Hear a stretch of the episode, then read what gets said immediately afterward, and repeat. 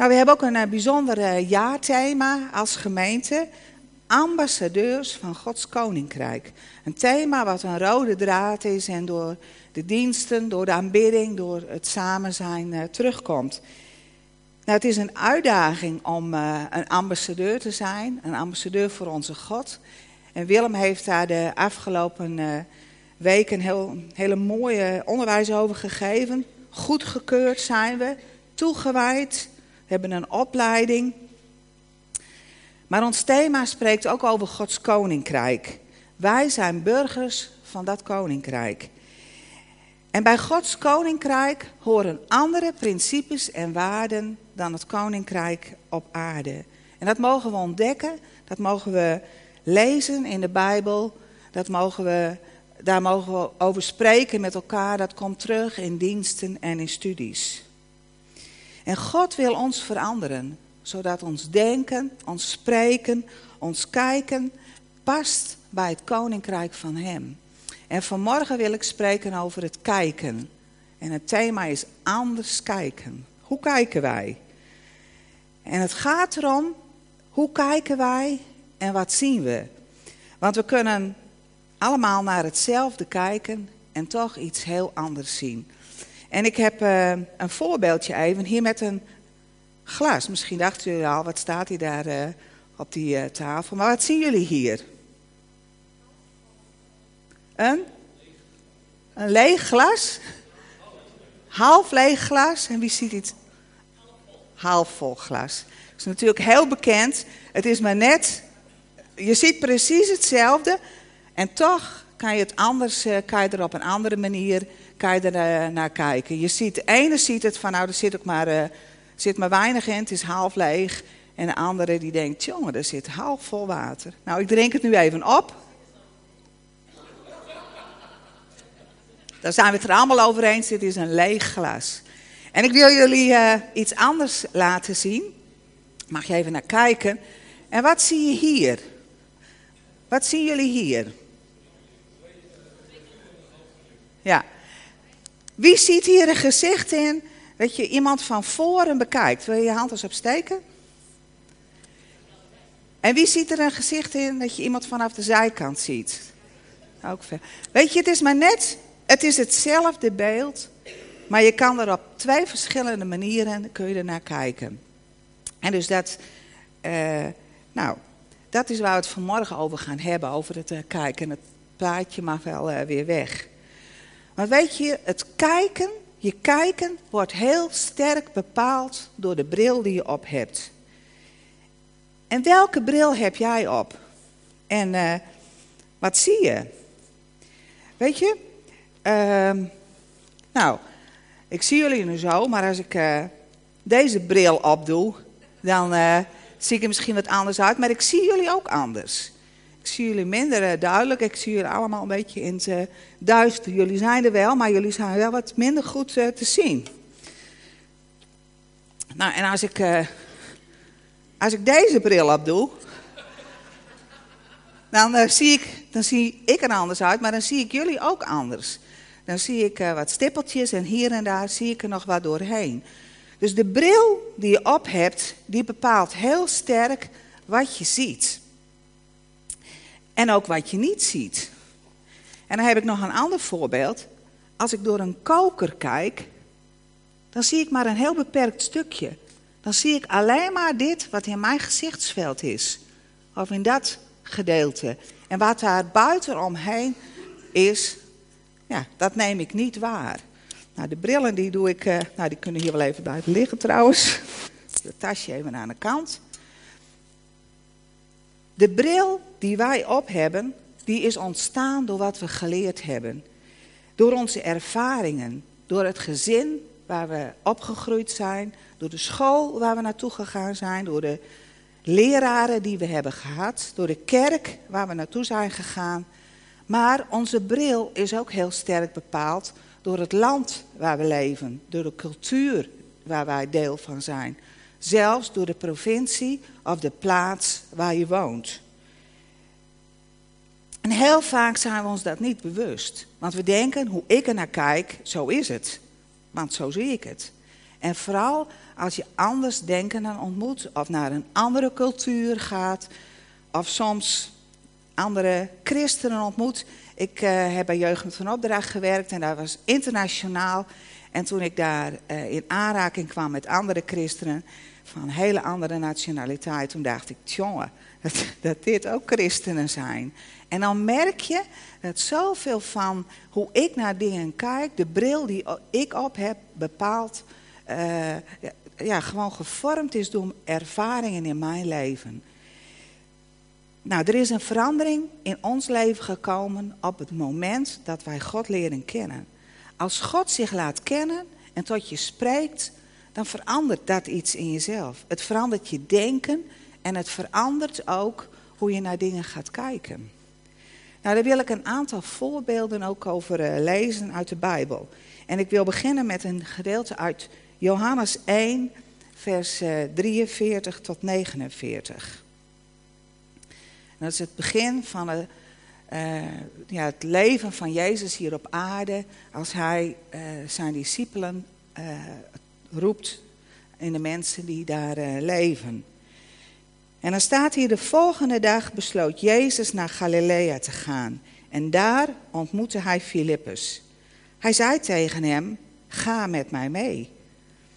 Bijzonder, want dat doet hij ook. Moet je je voorstellen dat je hier door drachten loopt en dat God zegt, ga met mij mee. En dat je gelijk meegaat. Maar dat deed uh, wel. Maar Filippus die kwam uit Bethsaida, uit dezelfde stad als Andreas en Petrus... En hij kwam Nathanael tegen en zei tegen hem: We hebben een man gevonden over wie Mozes in de wet geschreven heeft en over wie ook de profeten spreken. Jezus, de zoon van Jozef uit Nazareth.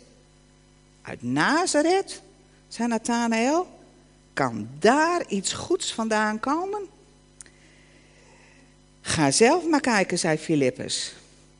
Jezus zag Nathanael aankomen en zei: Dat is nu een echte Israëliet, een mens zonder bedrag.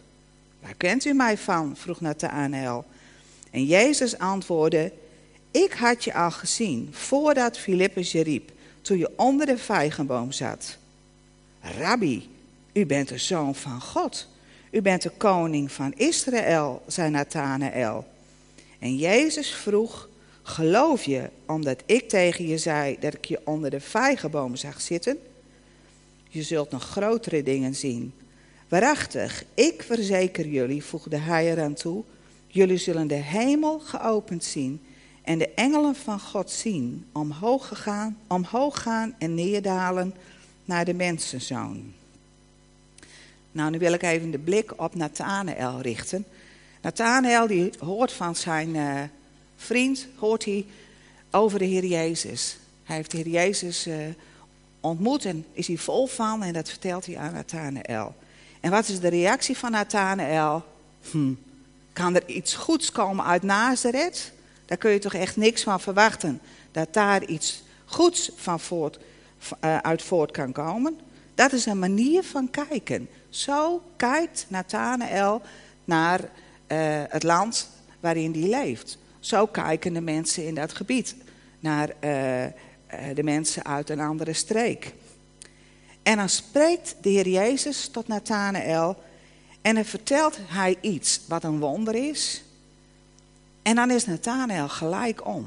Dan zegt hij niet tegen de Heer Jezus van, nou u komt uit Nazareth, ik, uh, ik uh, wil niet met u mee. Maar dan zegt hij gelijk, u bent de koning. U bent uh, u bent, nou wat zegt hij precies? U bent de zoon van God, de koning van Israël. Er vindt maar één kleine ontmoeting plaats van de Heer Jezus met Nathanael. En er is een ommekeer in Nathanael. Hij herkent in hem dat hij uh, de Messias is. Nou, dat is een geweldige omdraai uh, van het ene over naar het andere. Een andere manier van kijken. Nou, een verhaal waarin dat heel duidelijk naar voren komt, dat vinden we in Handelingen 10. En daar gaan we ook een aantal gedeelten uit lezen. En Handelingen 10, dat is een uh, verhaal wat gaat over Cornelius.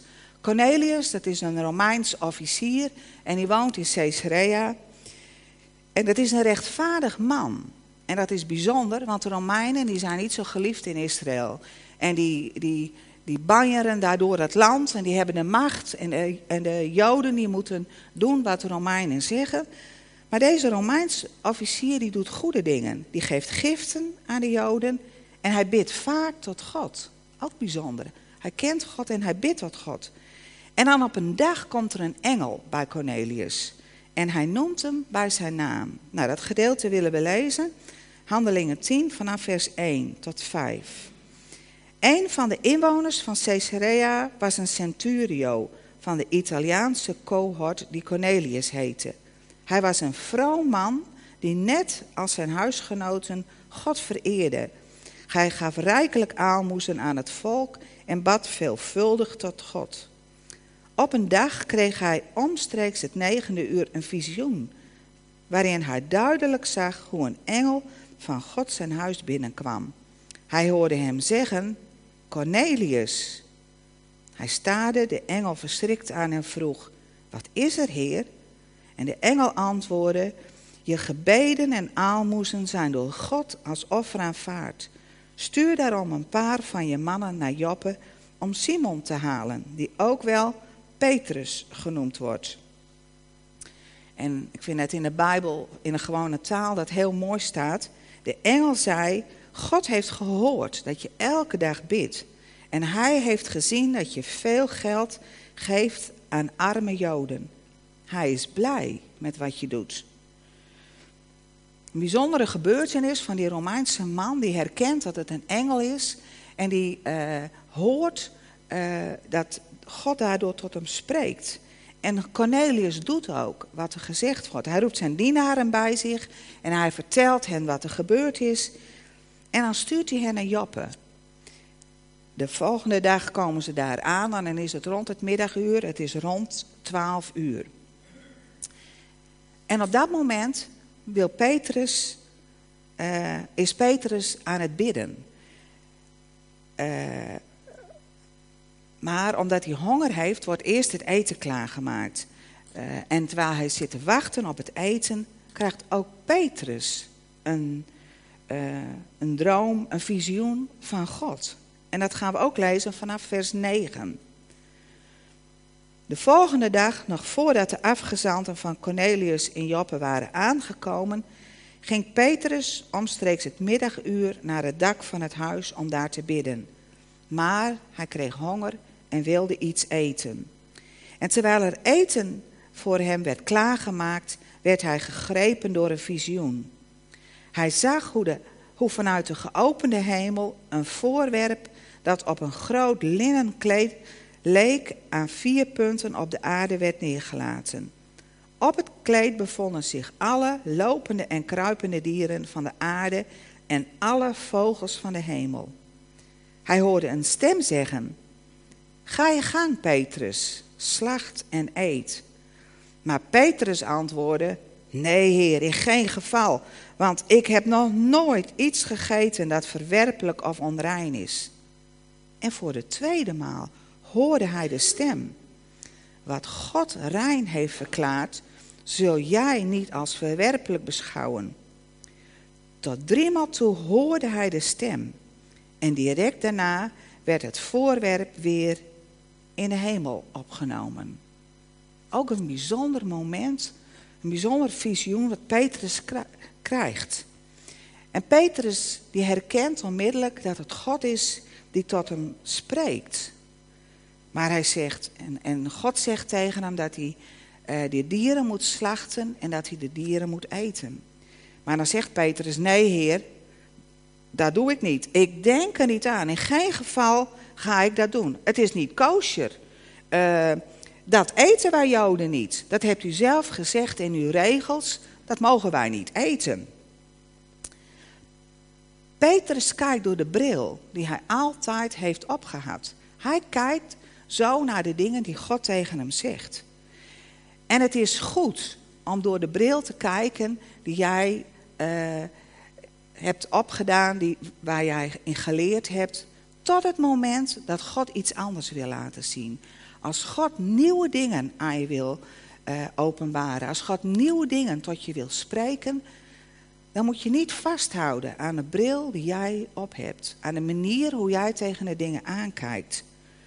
God wil dat we openstaan voor Hem, dat we ons niet vastzetten in ons kennen van Hem. Wij mogen weten dat we uh, de waarheid, ook in God, de waarheid uh, in de Bijbel, dat wij ten dele kennen. En daarom is het ook zo mooi dat we samen zijn. Samen als gemeente, samen als kring. Want met elkaar kunnen wij de, de, de hoogte, de diepte, de grootheid van Gods liefde beschrijven. Iedereen ontvangt daar een deel van.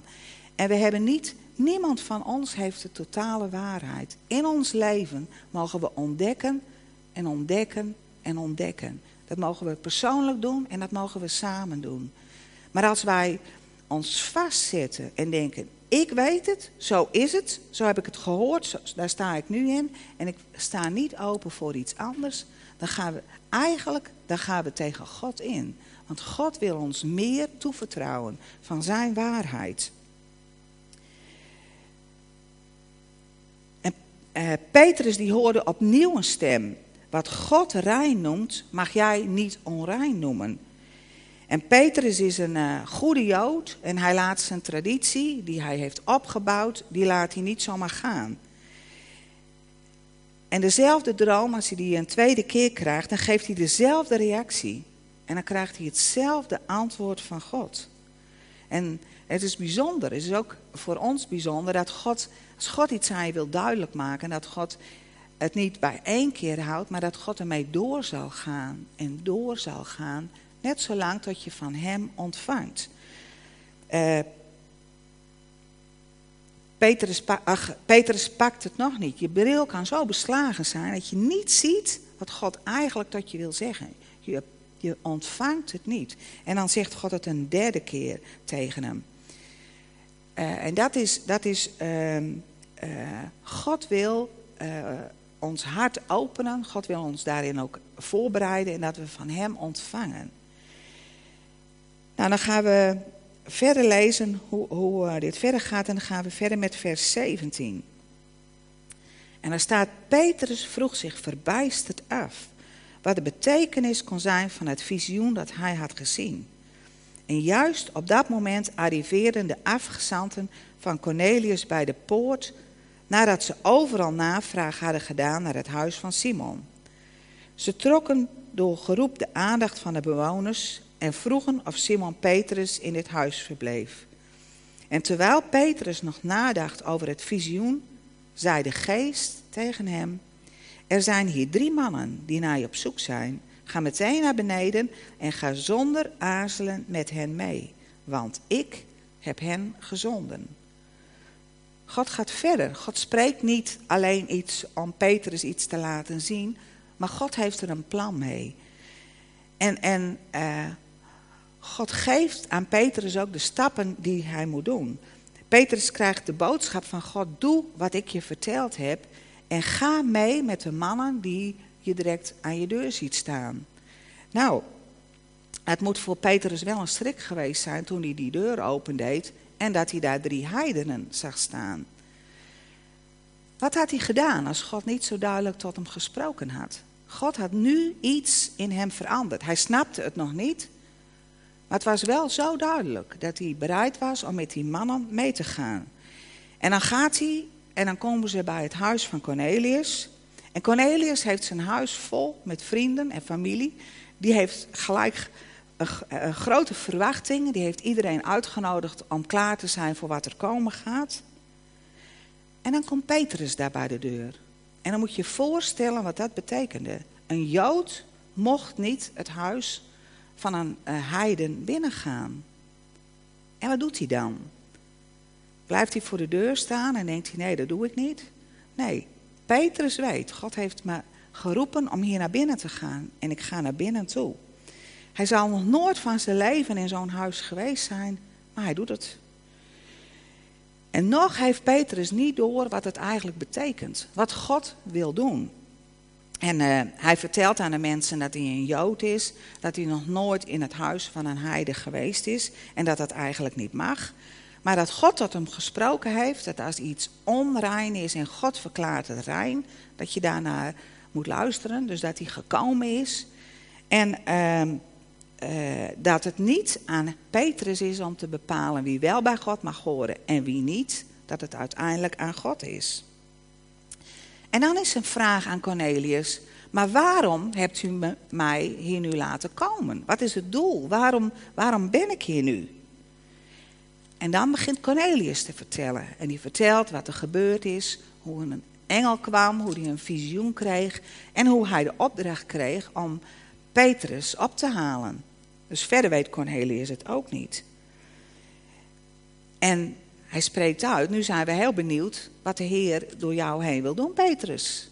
Wat heb je aan ons te vertellen? En dan lezen we vanaf vers 34. Daarop nam Petrus het woord en zei: Nu begrijp ik pas goed dat God geen onderscheid maakt tussen mensen, maar dat Hij zich het lot aantrekt van iedereen, uit welk volk dan ook, die ontzag voor Hem heeft en rechtvaardigd handelt.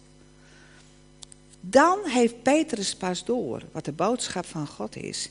En dan vertelt Petrus het evangelie. En al die mensen komen tot geloof. Zo bijzonder. Ze zijn er als het ware klaar voor. God heeft uh, dat voorbereid in die mensen die, die gaan in op wat Petrus deelt. En ze komen tot geloof. Ze gaan spreken in nieuwe talen, tongen. En ze worden gedoopt. Een geweldige gebeurtenis. Maar Petrus had niet door hoe belangrijk dit was. Deze verandering van kijken. Waarom God het hem zo duidelijk maakte dat hij moest gaan.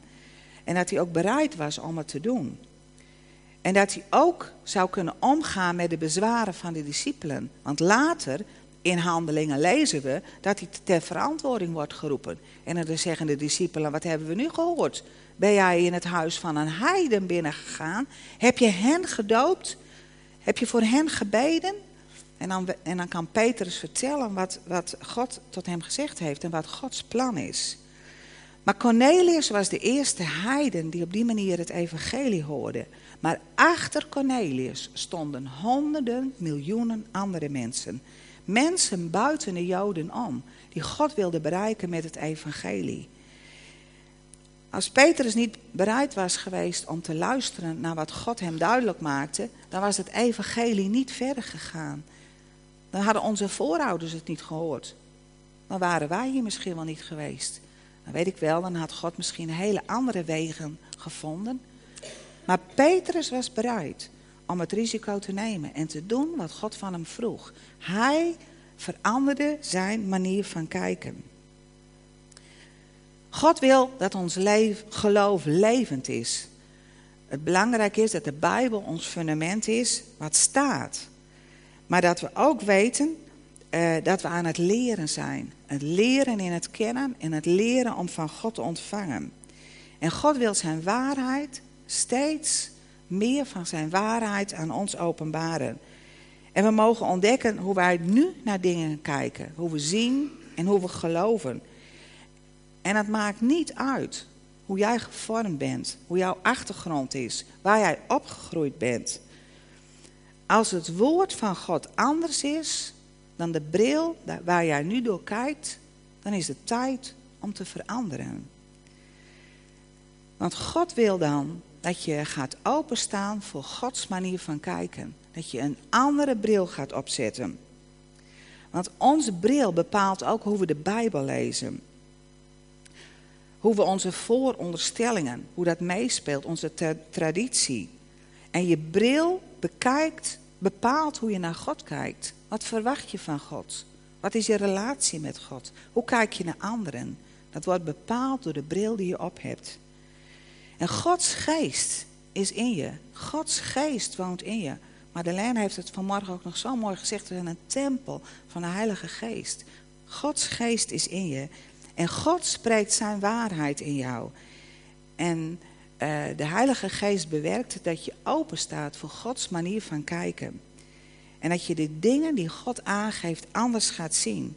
God wil dat je een ontmoeting met Hem hebt en daarin van God zelf ontvangt. En dat gaat uit boven je traditionele manier van kijken. Voor hoeveel van ons is het niet zo dat wij veranderd zijn in onze manier van kijken? Dat we niet meer zo kijken als hoe we misschien twintig jaar geleden keken. Dat God nieuwe dingen in ons leven gedaan heeft. Dat we stappen genomen hebben. Dat we gegroeid zijn in het kennen van God. In onze relatie met God. Die niet paste bij de traditionele bril die we eerst op hadden.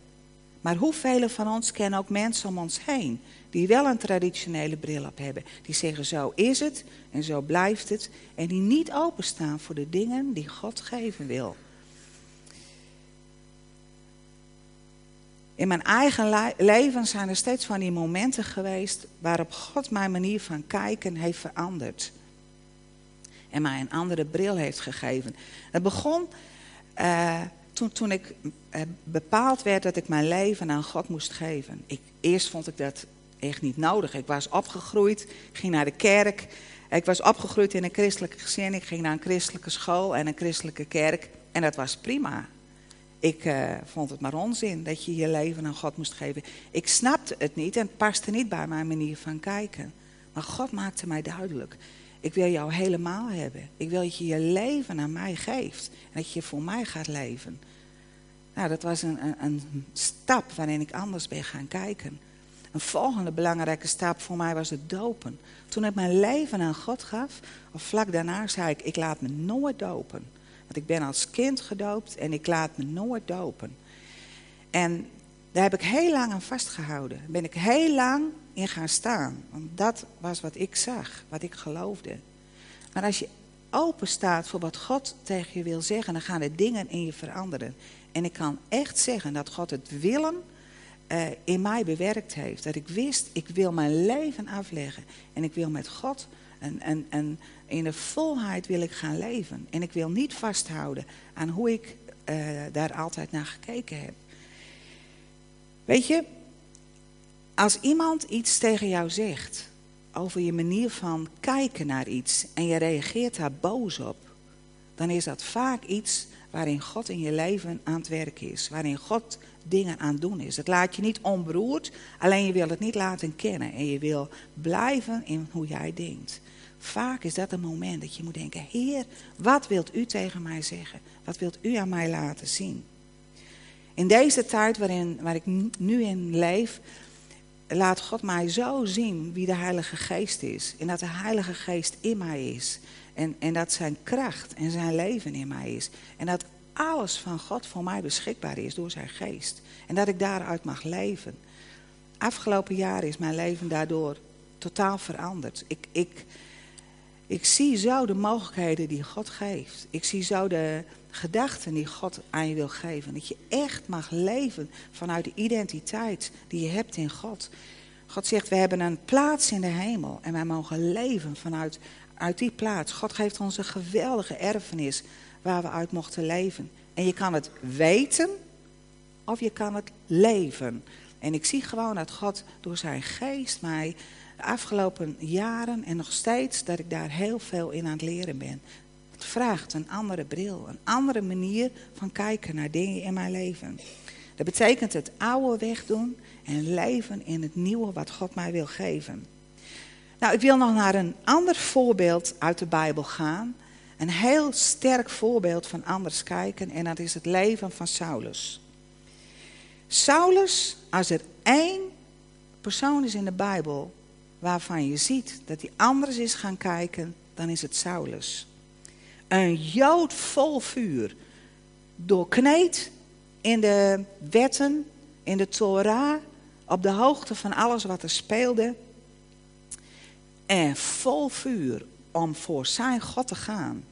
En voor de, de traditie en de leefregels die golden. En daarom wilden die christenen, die anders dachten, die wilden die het zwijgen opleggen. Desnoods met de dood.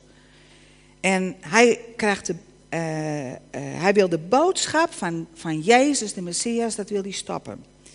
En met alles wat in hem is, is hij daarmee bezig. En dan op een gegeven moment is hij daarvoor op weg naar Damascus. Maar God heeft hele andere plannen met Saulus. En hij heeft een ontmoeting met Saulus. En dan wil ik uh, overlezen uit Handelingen 9, vanaf vers 3.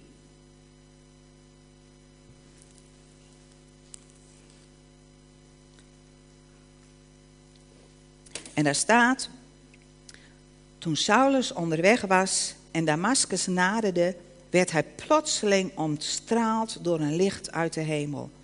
Hij viel op de grond en hoorde een stem tegen hem zeggen: Saul, Saul, waarom vervolg je mij?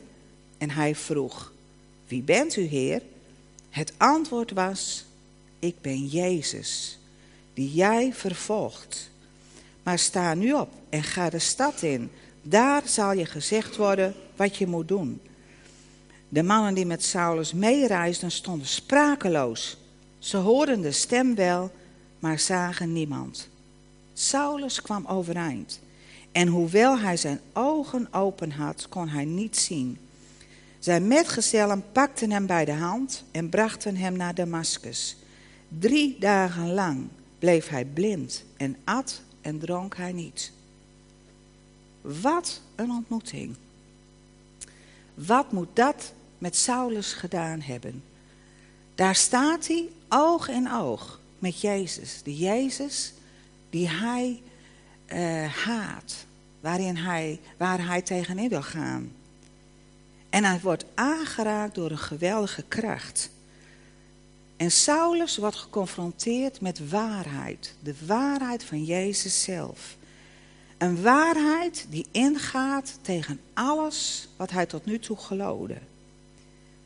Wat moet dat wat met Saulus gedaan hebben? Als je je bewust bent wat werkelijk waar is. Wat moet dat een spijt in hem gebracht hebben voor hoe hij tot dan toe geleefd heeft en wat hij gedaan heeft. Ja, wel bijzonder ook hier. God sluit zijn lichamelijke ogen. Hij kan niet meer zien. Maar God opent zijn geestelijke ogen, zodat hij wel kan zien. En uh, hij ziet wie de Heer Jezus werkelijk is. En wat een geweldige boodschap van redding hij brengt. En dan gaat uh, Saulus naar uh, Damascus, ze brengen hem daarheen. En dan heb je daar weer een hele bijzondere tijd. Want dan wordt Ananias geroepen, een Jood, een christen die daar is, om naar hem toe te gaan. En dan zegt hij eerst, nou dat doe ik niet, want wat voor risico loop ik dan wel? Maar God beweegt Ananias om naar hem toe te gaan. En dan lezen we in vers 17, Ananias vertrok en ging naar het huis waar hij Saulus de handen oplegde. En terwijl hij zei, Saul, broeder, ik ben gezonden door de Heer, door Jezus die aan u verschenen is op de weg hierheen, om ervoor te zorgen dat u weer kunt zien en vervuld wordt van de Heilige Geest.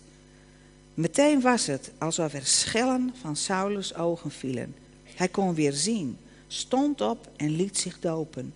En nadat hij gegeten had, kwam hij weer op krachten.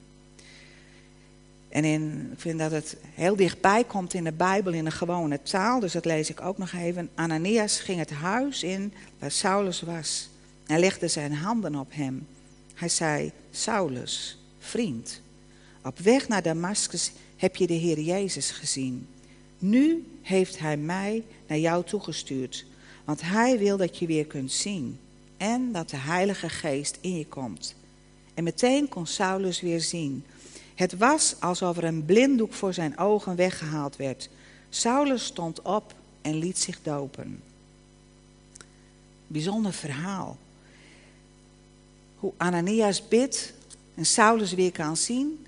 En, en er staat van eh, in de, in de Bijbel in de gewone taal, dus het was alsof er een blinddoek van zijn ogen gehaald werd. Dus iets wat ervoor was, werd weggehaald.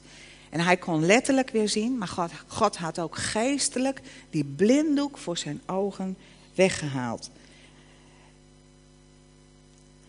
Om hem heen was niets veranderd. Alles was nog hetzelfde. Maar in Saul was heel veel veranderd in Saulus. Hij wist nu wie Jezus, werkelijk was.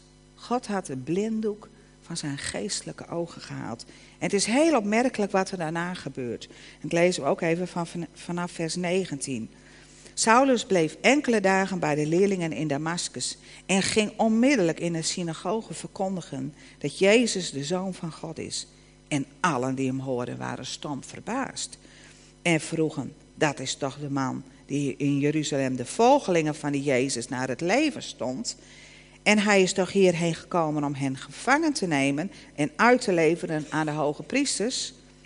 Saulus' optreden werd echter steeds krachtiger. En hij bracht de in Damascus wonende Joden in verwarring door, door aan te tonen dat Jezus de Messias is. Nou, spelen hier ook nog wat andere geluiden doorheen. Maar uh, wat een ommekeer zie je in het leven van Saulus. Hij gaat daarheen om de Joden te of de christenen te vervolgen. En in plaats dat hij uh, doorgaat met dat plan, gaat hij daar in de synagoge vertellen dat Jezus de Messias is. Nou, daar zijn die Joden helemaal niet zo blij mee. Dat uh, hij daar de boel in verwarring brengt door een hele andere boodschap te verkondigen. En dan staat er, het wordt steeds krachtiger. Zijn optreden werd steeds krachtiger. Uiteindelijk moet hij vluchten en kan hij daar niet blijven. En we hebben vorige week ook gehoord dat hij daarna jaren uh, teruggetrokken leeft. Om, ja, het, voordat God een plan voor hem heeft om, uh, om verder te gaan. Nou, nu voor ons. Wat betekent dat voor ons nu? Hoe is het in jouw leven?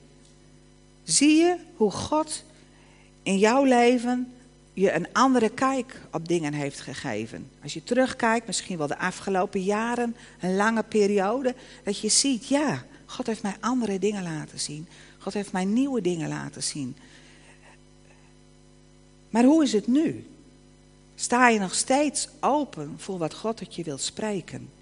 Wat God je wil tonen vanuit zijn woord, vanuit hemzelf, het, het woord wat God rechtstreeks aan jou openbaart? Of sta je nu vast? Dat je denkt van nou, ik heb mijn leven aan God gegeven. Ik heb misschien wel een stap genomen naar een evangelische gemeente. Maar dat is het. Nu sta ik zo. Nu geloof ik. Dit is mijn manier van denken. Weet je, waar je ook vandaan komt. Hoe je opgegroeid bent. In welk gezin of welke kerk ook. Jij bent zelf verantwoordelijk. Hoe je omgaat met de dingen die God aan jou toont. De dingen die God tot je spreekt. Het is jouw keus welke stappen je daarin neemt. En het zijn niet je ouders, niet je leraren, niet je voorgangers, maar God zelf wil dingen aan jou openbaren. En je denken, je kijk op dingen wil hij veranderen. Sta je voor open als God je tot je spreekt over beslissingen in je geloofsleven. Misschien dat je radicaal moet gaan voor God.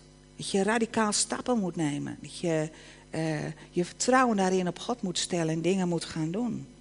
Misschien dat je in de doop stappen moet gaan nemen. Je oude leven afleggen en een nieuw leven opstaan. Of de volheid van de Heilige Geest ontvangen. Welke dingen spreekt God tot jou? En sta je daarvoor open? Maar ook in je persoonlijke leven, in je geloof, in de dingen die God tegen je zegt. Sta je ervoor open dat God tegen je zegt: ik ben er. Ik ben altijd bij je. Ik laat je nooit alleen. Of blijf je staan in dat je denkt, ik voel me zo alleen. God kan dat wel zeggen, maar ik voel me zo alleen. Ontvang je Gods waarheid en kijk je daar zo naar.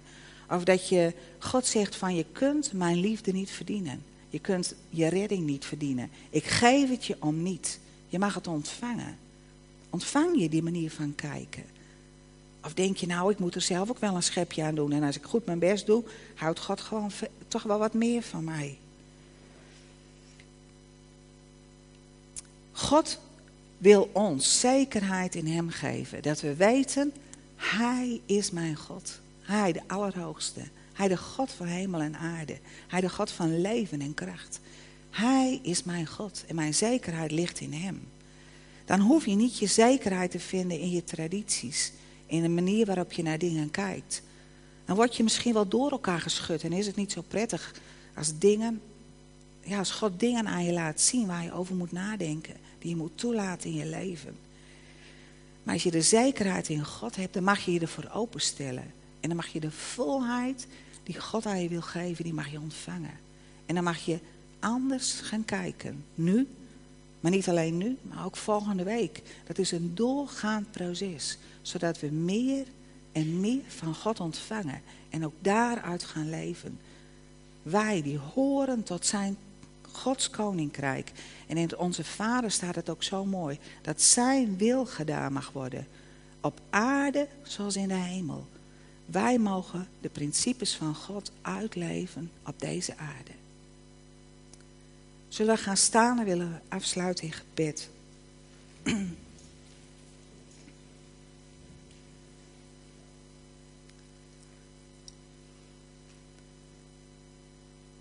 Dank u wel. Dank u wel. Wat een, wat een God bent u.